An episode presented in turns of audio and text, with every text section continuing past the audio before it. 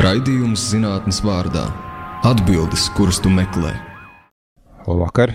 Šis ir raidījums zinātnes vārdā, es esmu Ivars Austers, un šovakar mums ciemos ir Karina Palkova no Rīgas Tradiņas Universitātes. Juridisko zinātņu pētniece ļoti, uh, man gribās teikt, svaiga, vai, vai tas ir labs vārds, bet uh, ļoti nesen ieguvusi doktora grādu juridiskajās zinātnēs. Labvakar, Karina! Labvakar! Un um, mēs runāsim par um, jautājumiem, par kuriem man šķiet diezgan reti uh, runā zinātnes kontekstā, zinātnes raidījumos, par to, kādā veidā jurisprudences pētniecība ir saistīta ar medicīnu. Un es sākšu ar tādu. Um, Varbūt naivu jautājumu, nu, naivu no manas puses, ne, drīzāk no jūsu puses. No manas tas ir um, jautājums, ko es līdz galam tā pilnīgi neesmu sapratis. Ko nozīmē uh, zinātne jurisprudences kontekstā? Ja, jo nu, mēs saprotam, kas ir, uh, ko dara juristi, vai ne plašā nozīmē. Juristi ir ļoti svarīga profesija, viņi ir visu. Ja nebūtu juridiskais regulējums sabiedrībā, tad sabiedrība droši vien uh, pa vīlēm uh, viens, divi izšķīstu, ja tur maz kas palikt.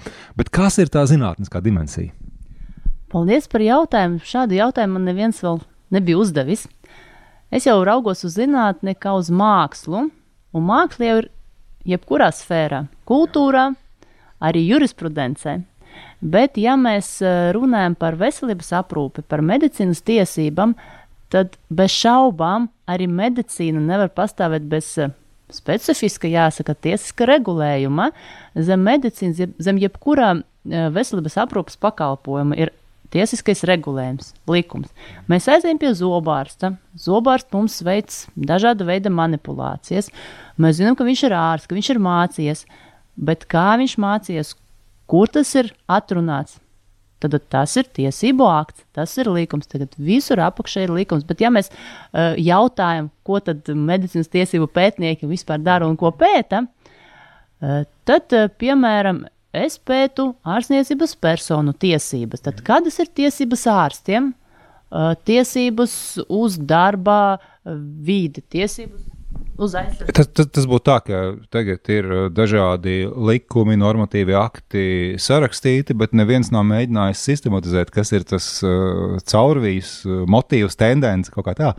Pilnīgi, pilnīgi pareizi. Jo atkal tas, ko mēs, medicīnas tiesību pētnieki, darām, uh, mēs mēģinām sistematizēt un izveidot jaunu tiesību nozari, kas pārklātos visu veselības aprūpas sistēmā kopumā ārstu tiesības, ārstu pienākumi, pacientu tiesības, pacientu pienākumi, tad likumiem kā noteikumi, kas to visu regulē, uh, slimnīcu tiesības, slimnīcu pienākumi.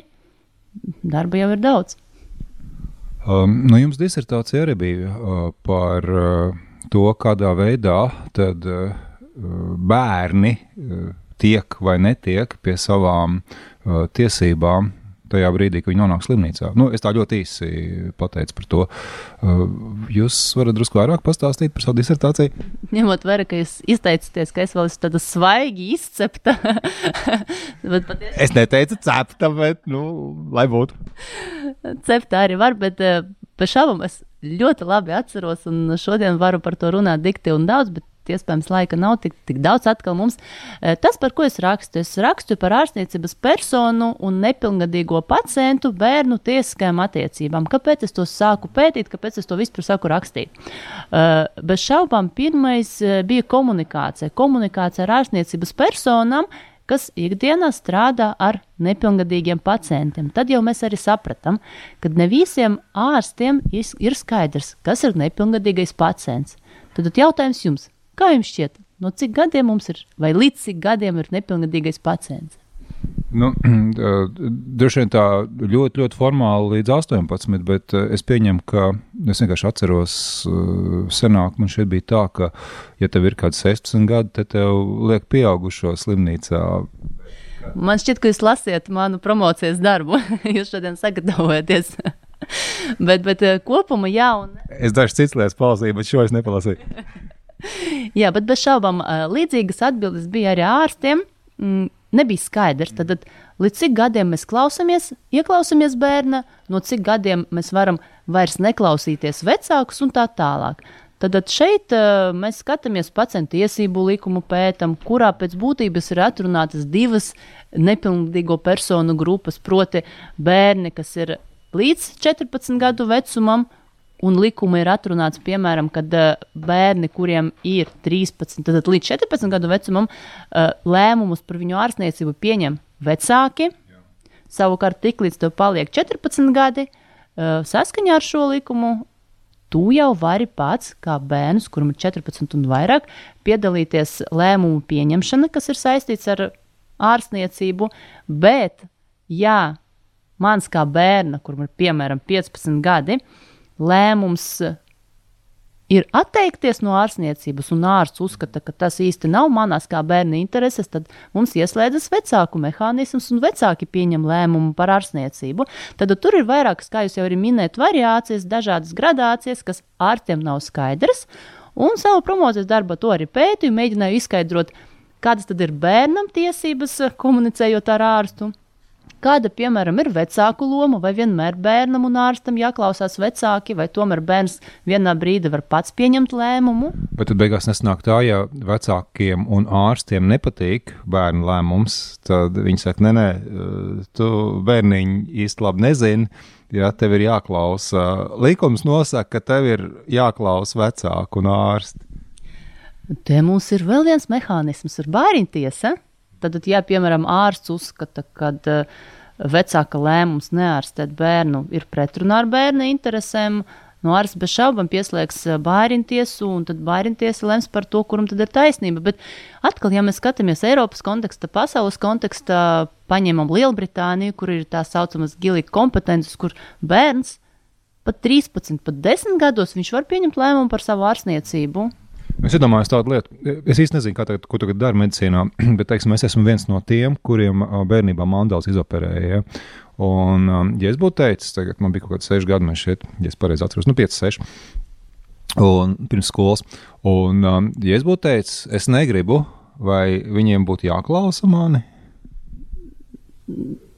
Teiksim tā, ja mēs runājam par tādu gadījumu šodien, šeit un tagad, tad bez šaubām likums nosaka, ka mums, ārstiem, vecākiem, ir jāieklausās bērna viedoklī, jāieklausās bērna viedoklī. Ja mēs pētām tālāk, tad mēs uh, skatāmies biomedicīnas konvenciju, mēs skatāmies citus Eiropas uh, tiesību aktus.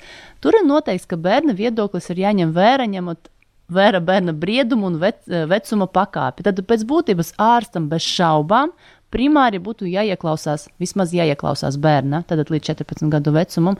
Un mūsdienas, cik es saskarusies ar maziem pacientiem, šeit viņi ir daudz izglītotāki nekā vecāki. Jo ko viņi dara? Uzzina diagnozi, viņi iegūlē, viņi paskatās, viņi izlasa. Pie tām divi pacienti bijuši tādi, kas atraduši pilnīgi tādus interesantus, kvalitatīvus zinātniskus pētījumus.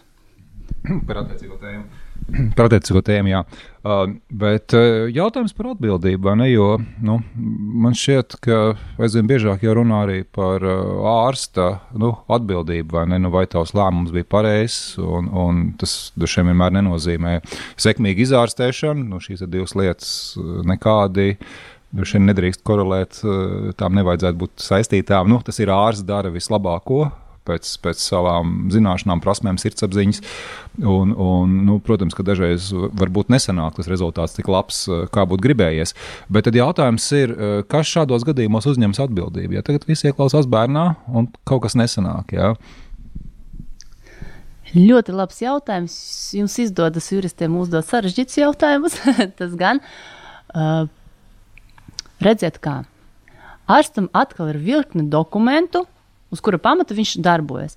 Un ārstam primāri jādarbojas tā, lai nekaitētu pacientam, jādara vislabākais, ko viņš var izdarīt uh, bērna interesēs, tā skaitā. Un mums likumos ir atrunāti vairāki nosacījumi, pie kuriem var iestāties atbildība, gan krimināla atbildība, civiltiesiska atbildība ārstam, uh, administratīva atbildība iestāties ārstam, un bez šaubām jau ārstam ir jāuzņemas atbildība pilnīgi noteikti, bet ir Tas ir ļoti komplicēts jautājums. Ir vairāki kriteriji, kas ir jāpēta, pirms mēs varam pateikt, ka ārsts bija vainīgs vai ne. Un šie īstenībā procesi, kuros ir iesaistīts ārsts, ilgst no apmēram uz 3, 4, 5 gadus. Var tikt skatīti šāda veida procesi. Bet beigās nesnāk tā, ka nu, teiksim, no jūsu viedokļa, no jurists viedokļa, kā ārsti var baidīties vispār pieņemt svarīgus lēmumus. Man šķiet, ka ir, nu, tā varētu būt tā viena dilemma. Pilnīgi pareizi, un ārsti, daži ārsti arī to ir aplie, apliecinājuši, ka pēc būtības ir tik ļoti smagnējs regulējums un tik milzīga atbildība gulstas uz ārsta pleciem, ka tad bez šaubām ārsti vairākas reizes padomā, ko lai dara, lai atbildība neiestātos. Bez šaubām ārsti baidās, un te tas, ko mēs esam runājuši ar ārstiem, izrunājuši vairāk kārtīgi, ārstam jābūt pārliecinātiem par savu darbību. Kā viņš var būt pārliecināts? Viņam jāzina, kādas ir viņa tiesības attiecīgajā situācijā. Un te atkal, ja mēs runājam par bērniem un ārstniecību, ja ārsts īsti nezina, no cik gadiem bērnam pilnīgi noteikti ir tiesības lemt, nu tad varētu būt uh, problēmas. Tiklīdz ārsts ir zina, tiklīdz ārsts informēts par bērna tiesībām, ārstniecība, par vecāku lomu, ārstniecība, bērna ārstniecība, viņš ir aizsargāts. Redziet, zināšanas aizsargā, arī ārstus zināšanas aizsargā, un tas ir vairāk kārtīgi pierādīts. Bet, sakiet, te parādās tāda, nu, es to sauktu par uh, risku, par riska dimensiju, kā juridiski uz to skatās. Jo nu, daudzos gadījumos ārsts nevar būt uh, simtprocentīgi pārliecināts. Jā, nu, tas nav vienkārši ārstēt tur, uh, vieglu bronhītu vai, ne, vai, vai, vai iesnas vieglākos gadījumos. Nu, reizēm ārstam ir jāpieņem ļoti tādi svarīgi un zināmā mērā nenoteikti neskaidri jautājumi. Nu, sadzīves valodā mēs to varam saukt par risku vai ne. Uh, kā, kā juridiski uz to skatās? Nu, varbūt, varbūt arī mazo bērnu pacientu kontekstā, bet varbūt arī plašāk. Es domāju, ka mēs neaizmirsīsim par to, kā ārstam, ja viņš pats šaubās, kādu lēmumu pieņemt vai kādu lēmumu nepieņemt, ir ārstu konsilijas. Tad, tad viņš var lūgt uh, citu kolēģu atbalstu, un tas varētu būt kolēģiāls lēmums, bez šaubām. Ja mēs runājam par uh, to tiesisko pamatu, tad lielajās slimnīcas ir eh, atbalsta personāls, tad mums ir juridiskās daļas. Un bez šaubām tiek pieslēgti juristi mūsu lielākajās slimnīcas, kas eh, tiešā veidā konsultē ārstus. Bet nevar gaidīt reizēm, jā. Nu, tur ir nu, vienkārši sakot, tas ir minūšu jautājums dažreiz, vai ne? Un tev ir jāpieņem zibenīgi lēmumi, un tu saproti, ka tev šķiet, ka tā ir jādara, bet vienlaikus tu saproti, ka tā varbūtība protams, nav 100%. Ja tas ir vēsturiskais gadījums par pirmo sirds operāciju, vai ne? Ka uh, ārstam prasīja tam, kas to pirmo sirds pārstādīšanu taisīja, nevis operāciju, bet pārstādīšanu, uh, prasīja, nu, uh, kādas ir izredzes, ka pacients nodzīvos tur vismaz pusgadu. Šeit, Nu, ļoti labi. Cik tas ir ļoti labi? 80%. Nu, nu, nu skaidrs, ka tas uh, vērtējums uh, ir relatīvi zems ārkārtīgi pārspīlēts, bet no otras puses, nu, skaidrs, ka tam ārstam vajadzēja to optimismu, uh, subjektīvo, jo viņš citādi vispār neķertos tajā lietai klāt, vai ne? Nu, teiksim, par šādām situācijām droši vien arī kaut kā juridiski tiek domāts, vai ne? Atkal. Ja mēs skatāmies, ja tiek sniegta neatliekama medicīniska palīdzība, tad kopumā, neatkarīgi no tā, mēs runājam par bērnu vai par pieaugušo cilvēku, ārsts rīkojas vienpersonīgi, viņš var pieņemt lēmumu, bez šaubām ņemot vērā ārsta ir ētikas principus, ētikas kodeksu, ārstam jārīkojas tad pacienta interesēs. Un šeit, jā, protams, varētu būt kļūdas, un ir kļūdas ārstiem, jā, un ir tiesas procesi, bet tās ir tādas force majeure kaut kādi apstākļi, un tur mēs kā juristi varam tikai izglītot pirms lēmumu pieņemšana, bet mēs jau paši labi saprotam, ja lēmums ir jāpieņem tūlīt pat, steidzīgi, ārsts ir piekusis, operācijas brīžiem ilgst vairākas stundas, pat diennakti un tā tālāk. Tad ārsts arī ir cilvēks, viņš nav robots. Jā, var būt kļūdas, un tad notiek izmeklēšana, vai tā kļūda bija apzināta, vai tā kļūda bija neapzināta. Tad atkal ieslēdzas cits uh, lietas izskatīšanas mehānisms. Tas izklausās tik traki. Tagad varbūt kāds klausās, kāds uh, vidusskolēns šo raidījumu domā, nē, nē, man tā medicīna līdz šim tīri labi patīk. Es gribēju studēt medicīnu, bet tagad sākšu baidīties. Nevajag baidīties, pilnīgi noteikti ārsti mums ir vajadzīgi, jo vairāk jauni ārsti ir vajadzīgi, un es droši vien iepriecināšu, e, piemēram, Rīgas Strāduņu universitāte, apmācot ārstus, e, dot informāciju, docēri kursus e, par ārstu tiesībām. Tad ārsti arī par savām tiesībām saviem pienākumiem var uzzināt, studējot medicīnu. Nu, es domāju, tas jau visās augstskolās, Latvijas universitātē var, protams, vai ne? Tas jau ir tāda um, standarta prasība, vai ne, ko, ko visas asociācijas prasa, lai tas, lai tas būtu. Uh, labi, mēs tagad drusku uh, uztaisīsim muzikālu pauzi. Uh, es pateikšu, ka mums uh, šovakar ciemos ir Karina Palko no Rīgas universitātes. Mēs runājam par juridiskiem aspektiem medicīnā. Un tagad drusku muzika, un tad turpināsim. Don't take, don't take, don't break my amateur art. Ne te moque pas, te fous pas, te fous pas, casse pas, ne plaisons pas avec mon art.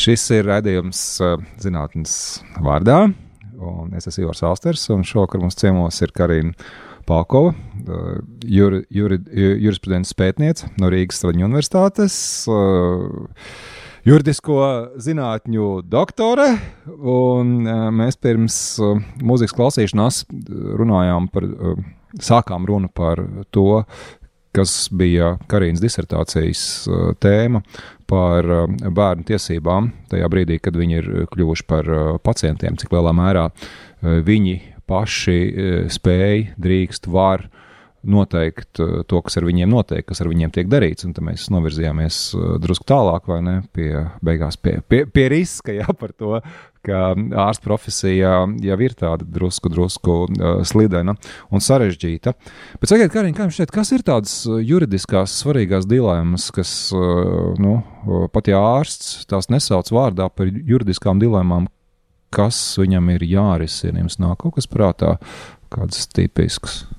Nu, ja mēs atkal analizējam tiesas spriedumus, jo visas problēmas pēc būtības izriet no tiesas spriedumiem, protams, pirms tiesas uh, situācijām, uh, pilnīgi noteikti mm, informācijas trūkums. Informācijas trūkums, un es ļoti labi saprotu ārstniecības personas, es ļoti labi saprotu pacientus.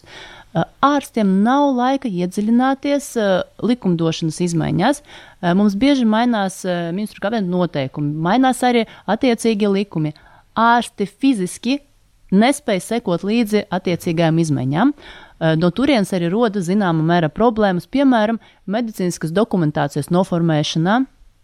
Mm, vai arī dokumentu izsniegšana, kur pacients lūdz ārstam izsniegt dokumentus, un ārsts uh, pasaka, ka mēs jums to nesniegsim. Tas, piemēram, maksas pakalpojums. Bet atkal mums ir likums, uh, kurš nosaka, ka pacientam ir tiesības saņemt bezmaksas zināma mēra medicīnisko dokumentāciju vienreiz gadā, piemēram.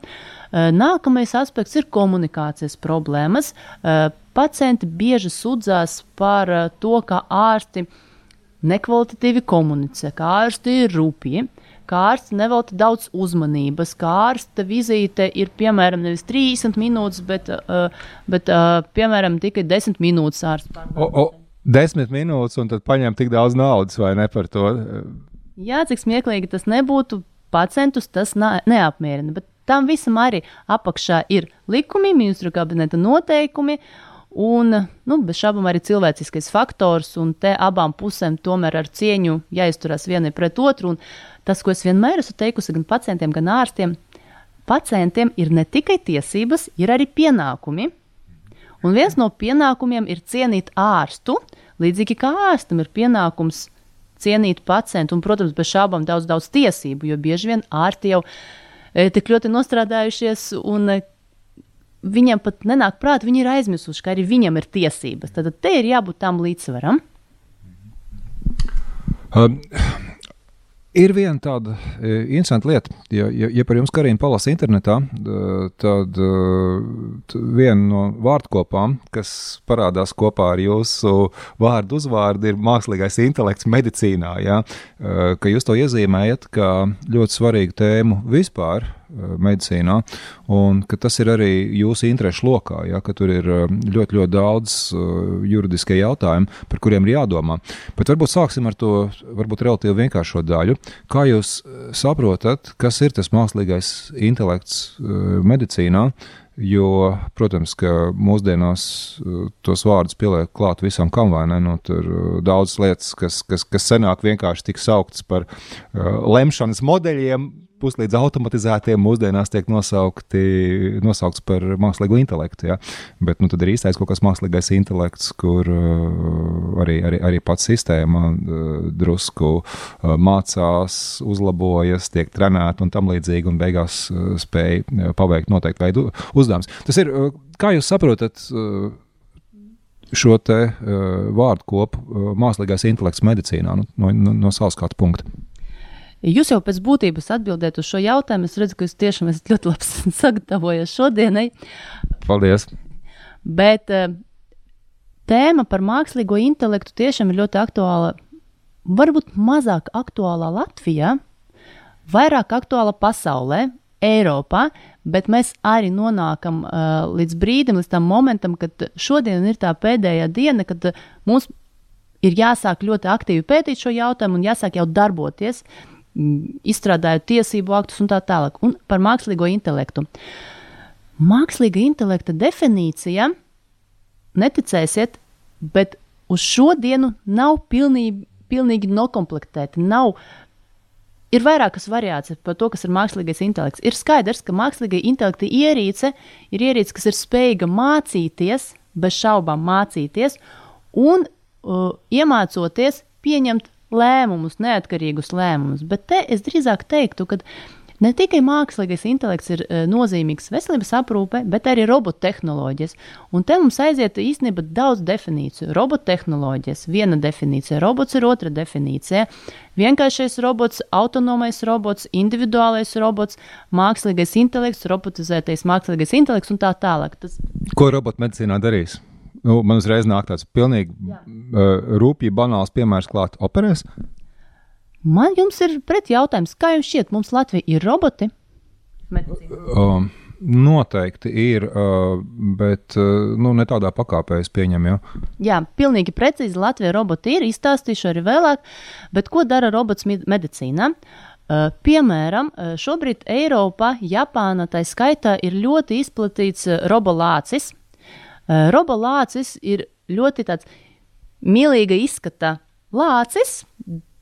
Nu, kaut kur divi, divi metri nebūs, protams, metrs un 20. Kaut kur tā. Un ko viņš dara? Piemēram, viņš uh, guļošo pacientu no vienas gultas pārliek uz otru gultu. Tad, tad viņš uh, pēc būtības transportē. Un kur atkal šeit bija radušās problēmas? Vienā brīdī šis lācis uh, parādīja tehnisko kļūdu, un turot pacientu rokās, nobruka, tad, respektīvi, viņš nometa pacientu. Nometa pacientu, un šeit pacēlās jautājums, uh, kurš ir atbildīgs? Robots, kas ir robots? Robots nav juridiska persona, robots nav fiziska persona. Slimnīca atbildīga. Slimnīca nav atbildīga. Nu, tas parastais jautājums teiksim, par um, automašīnām, ne, kas ir uh, bez vadītāja. Kaut kas Jā. notiek, kurš atbild programmētājs, ražotājs, īpašnieks. Uh, pilsētu plānotājs, kurš nav uzlicis sabiņas īstā vietā. Pilnīgi pareizi. Nu, visi tie jautājumi ir mākslīga intelekta un robottehnoloģiju attīstības jautājumi un tiesiska regulējuma nepieciešamība. E, nākamais robots, piemēram, mums e, Vaivaru rehabilitācijas centra ir Xobionika robots, e, kurš pēc būtības rehabilitē pacientus, kas, piemēram, nevar staigāt. Un robots izskatās kā tāds atbalsta mehānisms, mehānisms kurā cilvēks iekāp. Un atkal, kas notiek, ja uh, izsavienojums ir kāda tehniska kļūda, robots tas pamats nokrīt, bet nokrīt jau kopā ar cilvēku, kurš nevar stāvēt, kurš nenoturēsies. Uh, vēl viens piemērs ir. Uh, Cita veida robots, protams, robottehnoloģija ir raku slimnīcā. Zāļu jaucējs onkoloģijas pacientiem pacientiem nepieciešamas zāles, un tad ir robots ar vairākām rokām, kurš sajauc zāles un izsniedz šo te gatavo produktu. Jautājums, kas notiks, ja robots ir pieļāvis kļūdu un ir sajaucis proporcijas, piemēram? Man, man, man šķiet ļoti interesanti uh, tas, kā jūs sakat, un man pašam būtu grūti pateikt savādāk. Robots ir pieļāvis kļūdu. Precīzi, precīzi, jo šobrīd mēs ne visi esam gatavi pieņemt šo te izteikumu robots ir pieļāvis kļūdu, bet jā, robots var pieļaut kļūdu. Ja cilvēks pieļauj kļūdu, tad viņš par šo kļūdu nes zināma veida atbildību. Ja robots pieļauj kļūdu, šobrīd mēs atkal nezinām, kurš nesīs atbildību. Pat ja tiks sākti tiesas procesi, uh, nu jā, tur arī atšķiras. Jautājums, cik tālu tā atbildība var aiziet? Un tas jūs pirmais piemērs par uh, to lāci, kurš uh, pārvieto pacientus, uh, kuri paši to nevar izdarīt, vai ne? Un tad var iestāties tā problēma situācija, ka vienkārši nokrīt pacients, vai ne? Tad jautājums, cik tālu iet ar atbildību, jā, jo droši vien, ka tas var būt, tā var būt vienkārši nejaušība, no tādā nozīmē, ka elektrība pazūd tajā brīdī vai, ne, bet, vai arī to nevarēja iepriekš paredzēt un tehniski risināt, vai, ne, vai, vai kaut kāda mikroshēma nobruka, vai nezinu, gultnis sabojājās. Nu, vienalga, ja. Jautājums, kā, kā, kā juridiski skatās uz šiem jautājumiem, tad ka, kas ir tā, tie, tie iespējami atbild, atbildīgie, vai tas vispār ir atrisināts, un ja jā, tad cik tālu iet un kā vispār uz to skatās. Man tas šķiet ārkārtīgi interesanti problēma. Atkal uh, Latvija par to vēl netika domāts, ņemot vērā, ka šis uh, gadījums nebija Latvijā. Mums Latvijā pagaidām šāda veida lāči nav. Uh, bet atkal Eiropā skatās, uh, zinātnieki pēta šo jautājumu, un dažādi risinājumi ir pieļaujami. Viens no tiem ir piešķirt robotizētai tehnoloģijai, mākslīga intelekta tehnoloģijai, tad juridisku statusu robotu status. Nu, piemēram, pēc analoģijas būtu tā, ka e, uzņēmuma reģistrā mēs reģistrējam SIA, mēs reģistrējam iz, e, individuālo komersantu, mēs reģistrējam arī robotu tehnoloģiju. Tad atsevišķa forma, kuras nosaukums vēl nav izdomāts. Un e, reģistrēt cilvēks, bet viņš nes pilnu atbildību par tad, šīs te tehnoloģijas, kas ir reģistrēta pieļautajām kļūdām.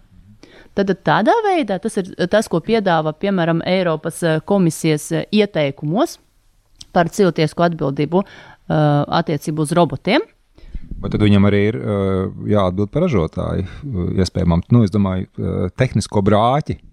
Jā, atkal, ja tas ir bijis tehniskais brāķis, un jautājums, kurš reģistrēs, kuram būs tās tiesības, piemēram, reģistrēt šo robotu, tad, tad kurš būs tas, kurš pēc būtības nesīs atbildību par robota pieļautajām kļūdām? Jo skaidrs, ka no robota paša mēs nevaram neko prasīt, bet tas, ko atkal piedāvā, ir, piemēram, apdrošināt robota tehnoloģijas, lai gadījumā, ja notiek šāda veida kļūda, pacients varētu piedzīt vai pacientam varētu tikt izmaksāta atlīdzība par uh, kaitējumu nodarīto no šīs te apdrošināšanas. Vai ne? Tas ir vēl viens variants, vēl viens mehānisms. Un, uh, es saku, šobrīd, šobrīd tas tiek pētīts, pie tā tiek domāts, arī Eiropas Savienības līmenī par to tiek domāts. Un Japāna, piemēram, ir uh, robotu tehnoloģiju koncepcija. Mūsu kaimiņi Igauni domā par to, strādā pie tā, lai izstrādātu robottehnoloģijas likumu. Ir arī kādas iestrādes un ir arī dažas idejas. Tā kā es domāju, ka tuvāko dažu gadu laikā mēs pilnīgi noteikti lasīsim kādu juridisku dokumentu. Tas, tas, tas, tas par robotiem, vai ne? Bet uh, ir jau vēl interesants tēmas. Nu, teiksim, tas, kas man uh, savulaik eh, diezgan interesēja uh, diagnostiskais konteksts, ja, ka uh, daudzas lietas, kas cilvēkiem šķiet viegli izdarāmas, pašsaprotamas, uh, um, nu, teiksim, tagad tev ir um, informācijas kopums par, par, par pacientu vai ne, analīžu rezultātu, novērojumu, fiziskie izmeklējumi, visas šīs lietas, un tev kaut kā kā ārstam tas viss ir galvā jāsliek kopā, lai beigās uh, pacientu ielikt noteiktā grupā. Ja nu saprast, kas ir pa diagnozi, nu, tad tu saproti, kas viņam pa diagnozi, tad tu vari domāt, kā ārstēt, tad tu vari domāt, uh, cik labi un ātri un kādā veidā notiks atvesļošanas un tam līdzīgi. Ja? Bet, bet, lai cik tas paradoxāli nebūtu, um, un to daudz tas ārstiem vismaz savulaik nepatika. Uh, ārsts ir ļoti labs informācijas savākšanā, bet ārsts nav tik labs eh, informācijas apkopošanā, kā varētu būt eh, kaut kas, ko mēs varētu saukt par tādu nu, ļoti vienkāršu mākslīgo intelektu, nu, kaut kādu lemšanas modeļu. Ja? Nu, tajos gados, kad par to sāk domāt pasaulē, tad vēl mākslīgo intelektu tur nelika klāt, tad ar mākslīgo intelektu saprata tādas mašīnas, kas pašas var kaut ko iemācīties eh, un, un baiļu gadījumā pārņemt pasauli. Ja? Bet, bet teiksim, par to lemšanu pieņemšanas procesu.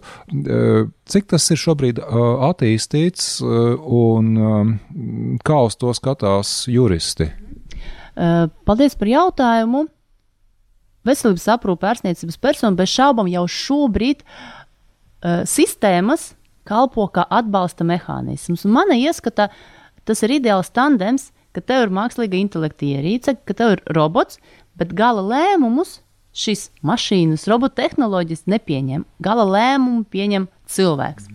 Uh, manuprāt, tam tā arī jābūt vismaz tuvāko 5-10 gadu laikā, kamēr tehnoloģijas nav attīstījušas pietiekami labi un ir jebkurā gadījumā kļūdu risks, milzīgs kļūdu risks. Līdz ar to gala lēmums jāatstāj cilvēkam. Šobrīd tā arī ir, ka pēc būtības, nu vismaz Latvijā, gala lēmums ir cilvēka lēmums. Piemēram, par rakusa robotizēto tehnoloģiju, runājot ar slimnīcu pārstāvjiem. Protams, viņam uzdeva jautājumu, kurš tad būs atbildīgs, ja robots nepareizi sajauca zāles un tā tālāk, vai tiks veikta kāda pārbaude pirms šīs zāles dot pacientam.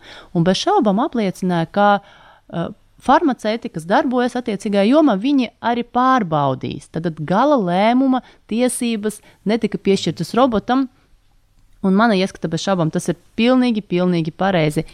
Tas, tas nebūs tā, ka tagad zāļu vācēja robots uh, sajauc zāles, un tad uh, robots skudriņa vienkārši izvadā pacientiem vai neiedod. Nu, nu, faktiski ir vajadzīgs viens cilvēks visā slimnīcā, ne, uh, kurš uzrauga to, kas tur notiek. Ja, ja viss ir kārtībā, tad nedara neko, vai ne, un ja nav, tad, tad palaiž kaut kādus uh, tehniskos, man gribās lietot vārdu radījumus, jā, droši vien, ka inženieri iebilst. Eh, pilnīgi lot, eh, noteikti Latvijā tā šobrīd nav un tuvāko laiku, tuvākajā laikā arī nebūs, jo tomēr ārsts ir ārsts, viņš ir mācījies Viņš būs tas, kurš pieņems gala lēmumu, un pacienti var būt droši. Protams, es nemāku atbildēt, kas būs pēc 20 gadiem, cik ļoti cilvēki iesaistīsies gala lēmumu pieņemšanā. Tur, protams, būs cita ēra, tāda zinātniski robotizēta. Uh, Nu, redzēs, redzēs, kā būs. Pie tam ļoti aktīvi strādājam, un es ļoti ceru, ka izdosies uh, iesaistīt arī veselības ministriju attiecīgu jautājumu risināšanā un sākt aktīvāk darboties robotikas jautājumā veselības aprūpē. Sakiet, kā ir ar, ar to, ko sauc par lieliem datiem? Ja? Nu, kaut kāda liela datu masīva, nu, ka vienkārši kaut kas tiek uzkrāts, un um, kaut kādā brīdī uh, nu, tur parādās uh, noteikti ētikas problēmas, varbūt arī juridiskās problēmas. Uh, kā jūs to skatāties? Kas tur medicīnā šobrīd notiek un kas ir tie problemātiskie jautājumi? Mm tas tiešām ir ļoti ārkārtīgi komplicēts jautājums. Vispār, kas ir saistīts ar lieliem datiem vai big data, kā to sauc, komplicēts no juridiska viedokļa. Bāžas ir par šo datu drošību, drošības nodrošināšanu, zinot, cik lielā mērā tas var būt neaizsargāts. Tad datu kopums var būt neaizsargāts. No otras puses, ko piemēram saka Amerikas zinātnieki, viņi uzskata, ka uh, Eh, tā platforma, kur lielie dati glabājas, pēc būtības ir tiesīga pastāvēt neatkarīgi un tiem nedrīkst piekļūt. Tad, tad amerikāņi jau, piemēram, piešķir individuālas tiesības datu uzglabāšanas mehānismam, un uh, Nevienam jau nevar, eh, nevienam nav, nevar piešķirt tiesības piekļūt šiem datiem, no ārpus, protams, līguma noteiktajiem. Mums šobrīd pagaidām ir drusku savādāks mehānisms, un mēs esam tikai ceļā par šo lielo datu aizsargāšanu, aizsardzību. Un, uh, Izaicinājumi ir daudz, un um, datu noplūde, dalīšanās ar datiem un datu zākšana, visi tie gadījumi ir bijuši, bet, protams, mēs cenšamies darīt Ka, kas Latvijā šobrīd krāj datus uh, par, par uh, cilvēkiem medicīniskā nozīmē? Eh, tad, tad grūti atbildēt uz šo jautājumu. Mums ir vairākas platformas, ja mēs runājam par e-veselību, vai ne? Tad, tad e-veselība ir milzīga platforma, mm, kur tika izstrādāta vairākus gadus, kur, protams, atkal mēs varējām lasīt arī plašsaziņas līdzekļos, ka bija problēmas, kad ārstniecības persona piekļuva tādu pacientu datiem, kas nebija vērš, vēršus, vērsušies pie ārsta. Tad, tad problēmas atkal tika risinātas. Tika mainīts mehānisms, piemēram, e-veselības sistēma, un tagad ne visi ārsti var piekļūt visiem datiem. Nu, ņemot vērā, ka tas ir kaut kas jauns priekš mums, mēs mācāmies no mūsu kļūdām un nemitīgi izlabojam, labojam, pilnveidojam sistēmu. Kā tur īsti ir teiksim, um, par to? Es esmu bijis pie ārsta, vai ne? Nu, kamēr tā veselība ir ieviesta, es esmu bijis vairākas reizes pie ārsta, tur kaut kas par mani ir uzkrājies. Ja? Uh, vai tagad cits ārsts var paskatīties uh, to, ko citi ir par mani sarakstījuši? Kā tur īsti ir? Tam tā nevajadzētu būt. Tam tā pilnīgi noteikti nevajadzētu būt. Un jūs varat redzēt, kurš ir pieprasījis jūsu datus. Un tiklīdz jūs redzat, eh, un jums ir aizdomas par to, ka mm, šī persona nedrīkstē nemaz eh, šos datus pieprasīt, nu, katrā ziņā es neesmu informēta, kāpēc e, konkrētais ārsts šos datus ir pieprasījis. Ko es varu darīt? Es varu lūgt sniegt skaidrojumu, lūgt sniegt skaidrojumu, kāpēc dati pie, pieprasīti, kādam nolūkam šie dati tika pieprasīti. Nu, tādā ziņā mēs esam aizsargāti, mums ir tiesības pieprasīt un saņemt, protams, atbildi un lūgt, lai dati tiktu izzēsti, ja mums tas nepatīk.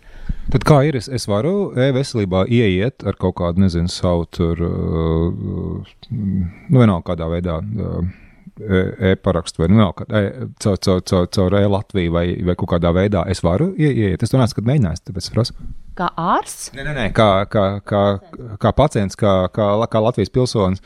Jā, bez šaubām, bez šaubām jūs varat pieslēgties caur e-Latviju, e-veselības sistēmai un veikt visdažādākas operācijas. Viena no tām, starp citu, ir pārbaudījuši, to dariet vai nedariet, un kā mums Latvijas iedzīvotāji to darīja vai nav, nav darījuši. E-sistēmā jūs varat piešķirt tiesības lemt par jūsu ārstniecību gadījumā, ja jūs pats to nevarat darīt. Faktiski pilnvarot trešu personu lemt par jūsu ārstniecību. Nu, gadījumi, piemēram, ja pacients atrodas komā, likums atrunā, kurš pieņem lēmumu par ārstniecību. Un likumā ir atrunāts, ka laulātais, bērni, vecāki, un tur ir iz, izsmeļoši atrunāts. Un, ja jūs esat, piemēram, draugs vai paziņa labs vai kāds attālināts radinieks, jūs nemaz nevarat pieņemt šo lēmumu. Un, attiecīgi, ja es kā pacients gribu, lai turpmāk vienā brīdī par attiecīgu lēmumu par ārstniecību pieņem man, man tūs cilvēks, es to varu izdarīt e-veselības platformā. Dariet! Nē, es neesmu to izdarījis, bet uh, paldies. Man ir man vienkārši pašam tagad uh, sarunas gaitā radās interese uh, pastīties, jo es neesmu visai Latviju izpētījis. Ir kaut kādas daļas, kur es esmu skatījies, vai ne, un, un um, apmēram zinu, kas tur notiek, bet šī nav tā. Uh, man ienāca vēl prātā viens svarīgs jautājums, tā kā jūs runājāt par tiesību piešķiršanu, um, ir tas uh, ļoti interesantais jautājums ne tikai no juridiskā viedokļa, bet arī no psiholoģijas viedokļa par atļauju. Uh, uh, ziedot savus orgānus citam cilvēkam, ja kaut kas notiek. Ja? Un, un, um, tur ir divu veidu likumdošana pasaulē. Ir valstis, arī Eiropā, kur uh, automātiskā lieta, ja neesi speciāli pieņems kaut kādu lēmumu, nozīmē jā, nu, tas ir, tu neko nedari, tas nozīmē jā, es atļauju. Uh, un ir valstis, kur ir kaut kas jāiet darīt, lai atbilde būtu jā. Nu, teiksim, automātiskā izvēle atbilde ir nē. Latvijā it kā skaitās jā, bet tāpat laikā kaut kā dīvainā kārtā, cik es redzēju ziņu raidījumos, un arī ir bijuši mēdījos īpaši raksti raidījumi par šo tēmu, ka prasa radiniekiem, nu, ko tas cilvēks ir domājis.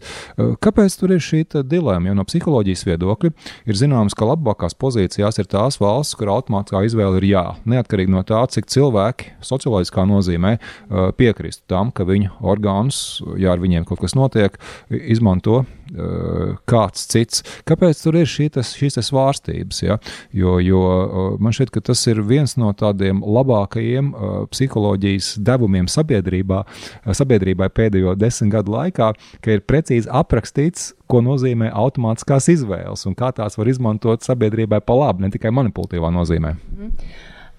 Redziet, kā šobrīd mums ir neparprotami jāpasaka valstī, ka jā, mēs piekritam ziedošanai, organu ziedošanai. Kur mēs to varam izdarīt? Pilsonības migrācijas lietu pārvalde iesniedzot attiecīgu iesniegumu. Mēs to varam izdarīt atkal e-veselības sistēma. Jautājums, vai mēs to darām? Bet vai nav, vai nav tā, ka likumā ir teikts, ka it kā formāli, ja tu neesi neko darījis, tas nozīmē jā? Uh, skatoties kādā laika periodā, šobrīd mums ir tiesības pateikt jā nepārprotami. Bet, bet, ja es neko neesmu teicis, vai tas nenozīmē jā, tomēr? Tas nenozīmē jā. Tas, kas notiek šobrīd, šobrīd ārstniecības personai ir jālūdz pēc viena tiesas sprieduma īstenībā šis jautājums ļoti aktualizējas.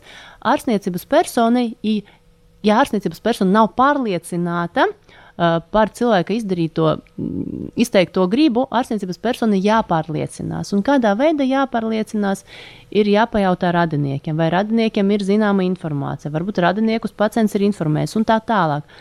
Un, atkal jautājums ir ļoti sarežģīts. Sūdzības ir bijušas, līdz ar to minētais process joprojām notiek pilnveidošanas stadijā, un arī saima ir bijušas vairākas diskusijas par noteikta jautājumu izskatīšanu no jauna un kādu izmaiņu ieviešanu. Un te, protams, ir atšķirīgi viedokļi. Tad, ja mēs skatāmies no sabiedrības viedokļa, ir viens variants, ja mēs skatāmies no mana kā individa viedokļa, ir otrs variants. Nu, tas, piemēram, par ko es pati domāju no ētiska viedokļa Cik daudz cilvēkiem ir vajadzīgi orgāni šobrīd? Daudziem. Milzīgas rindas. Cilvēki ļoti, ļoti gaida. Un, eh, vai man ir tiesības? Jā, man ir tiesības atteikties un neziedot orgānus, bet kāpēc es to darīšu? Jo Bet tad jautājums ir tāds, man šķiet, ka sabiedrība kopumā visvairāk iegūtu gadījumā, ja automātiskā izvēle ir jā. Tev ir visas tiesības aiziet, pateikt, nē. Ja tu neesi to izdarījis, nu tad uh, tas ir jā. jā un, uh, kāpēc par to nevar vienoties? Jo ir valstis, kur uh, tas ir izdarīts. Jā. Uh, Vācija, Beļģija, uh, Zviedrija. Es jums pilnīgi piekrītu. Es pat arī atbalstu šo sistēmu, jo, manuprāt, iegūtu sabiedrību kopumu. Sabiedrības intereses nu, noteikti konkrētajā gadījumā ir prioritārās. Mana ieskata uh, bet es nemāku atbildēt uz šo jautājumu. Un, un nezaudē arī individu tiesības. Paklausīsimies vēl vienu muzikālu gabaliņu, un tad uh, parunāsim. Man ir vēl daži jautājumi, ko es jums, Karina, gribu uzdot. Es pateikšu, tātad mums ir uh, studijā uh, ka, ka, Karina, Karina Palko no Rīgas Traģiņu universitātes, uh, medicīniskās jurisprudences pētniece, ja var tādu vārdu kopu izveidot. Ja, un, uh, mēs uh, lielu laika daļu runājam par mākslīgo intelektu, un man ir vēl daži jautājumi, ko pēc muzikālās pauzes jums uzdošu šajā sakarā.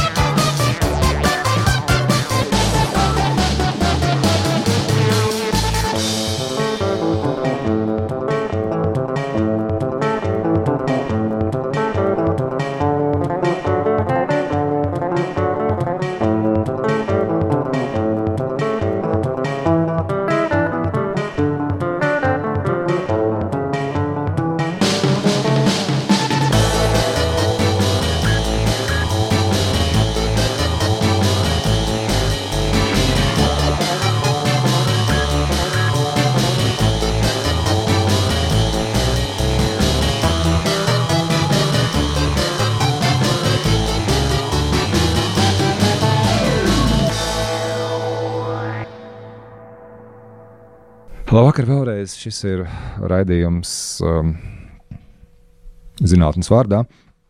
Un uh, tad mums ir Karina Palko studijā, un es gribu uzdot uh, pāris jautājumus par uh, juridis, juridiskām uh, problēmām mākslīgā intelekta sakarā medicīnā. Un, uh, tas viens jautājums, uh, kas tā tāds nu, ētiskas uh, dabas, uh, tagad kāds var teikt, bet ieviesīs tos robotus, tās lēmumu pieņemšanas sistēmas, daudz paliks bez darba. bez darba. Uh, bez darba pilnīgi noteikti. Es ceru, ka cilvēki nepaliks bez darba, jo, kā jau teicu, robotam šobrīd ir vairāk atbalsta funkcija. Pilnīgi noteikti bez, bez cilvēka robots šobrīd, uh, manuprāt, nu, viņam nevajadzētu darboties bez cilvēka. Uh, Kaut gan atkal ir vairāki pētījumi, kas liecina par to, ka robots pēc būtības atņems darba vietas pasaules iedzīvotājiem. Un šeit atkal, ja mēs skatāmies no tādas fantastikas viedokļa, ir idejas, kā šo situāciju var labot. Piemēram, piešķirot cilvēkiem, protams, tālā, tālā nākotnē, zināma veida pabalstu, respektīvi, roboti pelnīs naudu ar savu darbību, bet savukārt cilvēki saņems attiecīgu pabalstu no tā budžeta, ko roboti ir nopelnījuši. Tad, nu, tas ir tā, tas ir no fantastikas, protams, eh, kaut kas no fantastikas, bet eh, mana ieskata pilnīgi noteikti mēs līdz tam nodzīvosim. Uh, un tad ir tas, ko tā, mēs lasām par, par mākslīgo intelektu, ko diezgan bieži min. Vai uh, mākslīgā intelekta uh, sistēma var pieņemt nu, kaut kādus uh, ļoti uh, nozīmīgus uh, lēmumus, nu, piemēram, atslēgt uh, sistēmu, kas uztur cilvēku pie dzīvības. Nu, nu, šī tēma ne, arī laikam ir ļoti, ļoti svarīga, kur arī juridiskais aspekts ir. Pēc būtības pilnīgi noteikti šādi gadījumi varētu būt nākotnē. Un pie tiem, pie tiem mums arī būtu jāstrādā. Mums bez šaubām ir jāidentificē, kur ir tie bīstamie momenti, kur mākslīgajam intelektam ir uh, milzīga ietekme. Un šobrīd, kamēr mēs esam tādā sākuma posmā, mums uh, šie momenti ir riski jānovērš. Jānovērš ar cilvēka līdzdalības palīdzību. Nu, nevar paļauties robotam, mākslīga intelekta ierīci pilnā mērā, te es gribētu īstenībā uh, drusku varbūt parunāt par chatbotiem. Uh, ko tagad mums pasaulē, arī Latvijā, sāk izmantot. Tad, ko nozīmē chatbots? Tā ir sistēma, aplikācija, kuru mēs varam ielādēt savā mobilajā telefonā. Nu, nekādas vainas ielādēm, ko mēs varam darīt, ja mēs runājam par veselības aprūpi. Ievadīt datus, proti, pateikt aplikāciju. Ziniet, man sap vēders un uh, sap galva, un aplikācija analizējot visus pieejamos uh, interneta datus, mēģina man izārstēt. Un aplikācija man pasaka, jums vajag izdzert tādas un tādas zāles, jums vajag apmeklēt tādu un tādu ārstu. Un cilvēki šīs aplikācijas izmanto. Un tagad, ja sistēma vai aplikācija ir palaidusi garām kādu nozīmīgu momentu, vai mēs kā pacienti neesam ierakstījuši kādu mums šķiet nenozīmīgu momentu, bet ārstam iespējams būtu jautājums par šo attiecīgo momentu, tad, tad mēs informāciju neesam devuši pilnu, sistēma mums sniegusi atbildi nepilnu, kā rezultātā tika palaista garam kāda būtiska slimība, piemēram, vēzis. Mhm. Ko atkal darīt? Nu, kur cilvēks vērsīsies? Pie kā? Pie aplikācijas izstrādātāja. Pilnīgi noteikti aplikācijas izstrādātājs nebūs vainīgs pie tā. Uh, pats cilvēks vainīgs. Nu, es neteiktu, ka pats cilvēks vainīgs pie tā, ka viņš izmantoja aplikāciju, kas tika pasniegta kā uh, tad, tad, sistēma, kas palīdzēs mums nezinu, atvesaļoties vai tikt galā mūsu kaitēm, tad uh, tiešām ar tiem chatbotiem, it sevišķi veselības aprūpē, mums ir jābūt ļoti, ļoti uzmanīgiem un divas reizes jāpārbauda, ko mēs ievadam, kādu atbildi mēs saņemam, bet bez šaubām nedrīkst paļauties šobrīd uz šāda veida sistēmu, labāk aiziet pie ārsta, tomēr, jo veselība ir mūsu svarīgākais, kā lai saka, dzīves enerģijas avots. Bet likumdošanā tas kaut kādā veidā tiks uh, regulēts, jo, jo tas jau noteikti paliks aizvien populārāk, vai ne? Ka, nu, to, jau, to jau pat visticamāk drīz nevarēs atšķirt, vai otrā galā ir cilvēks vai, vai robots. Jā. Uh, pats smieklīgākais vienā mākslas darbā, vienreiz, uh, tas, tas bija vairāk audiāls mākslas darbs, kur bija viens mākslinieks piezvan, tagad, nu, saruna bija angliski, un, un, un prasa, uh, vai jūs, vai jūs esat robots? Nu, uz to neatbild, vai ne, un sāk tur stāstīt, cik es esmu, lai šeit jums palīdzētu, kas jums uz sirds, bet nu, pat nesaka katru reizi viens un tos pašus vārdus, dažādās veidā. Un tad, un tad tas uh, mākslinieks prasa, vai es varu palūgt, ja jūs gribat man palīdzēt, pateikt vienu frāzi, es neesmu robots, un to nevar izdarīt. Jā.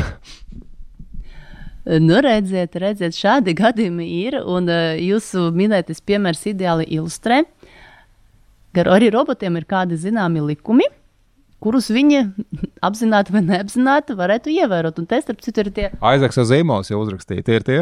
Tie ir pilnīgi pareizi. Tie ir tie, ir tie un uh, labi, ka jūs šo piemēru minējat, jo mēs esam atgriezušies pie šiem likumiem. Un te bija tādi trīs, un pēc tam nāca arī tas ceturtais likums. Pirmais likums - robots nedrīkst skaitīt cilvēkam. Pēdējais, ka robotam nedrīkst skaitīt, robots nedrīkst skaitīt cilvēcei kopumā. Uh, Eh, bet savukārt robots arī nedrīkst ļaut, lai viņu aizvaino. Viens no likumiem. Savukārt, ja viņu aizvaino, viņš drīkst aizsargāties, bet ja tas nav pretrunā ar pirmo un otro un uh, to pašu pirmo nulles punktu. Mēs esam atgriezušies pie šiem likumiem, un mēs šobrīd pie tiem strādājam, modificējot, modernizējot. Jo, kā mēs zinām, Zīmova kungs bija dzimis Tālijos 1930. gados. Bet jā, tagad ir 2021. gads, un mēs esam pie tiem atgriezušies, modificējot, modernizējot un tā tālāk. Un uz tā pamata arī šobrīd uh, mākslīga intelekta tiesību pētnieki mēģina rast kādu risinājumu, balstoties uz kādreiz mums šķita tādiem fantastiskiem likumiem, kas nu, netiks piemēroti, un tagad ir. Tas, mēs nevaram atrast labāku brīdi, lai beigtu raidījumu zinātnes vārdā. Uh, Un šovakar mums uh, viesos uh, Karina Palkova no Rīgas Traņu Universitātes, uh, pētniece medicīniskajā jurisprudencē. Paldies, Karina! Paldies jums liels par sarunu! Visu labu, līdz citai reizei! Raidījums zinātnes vārdā - atbildes, kuras tu meklē.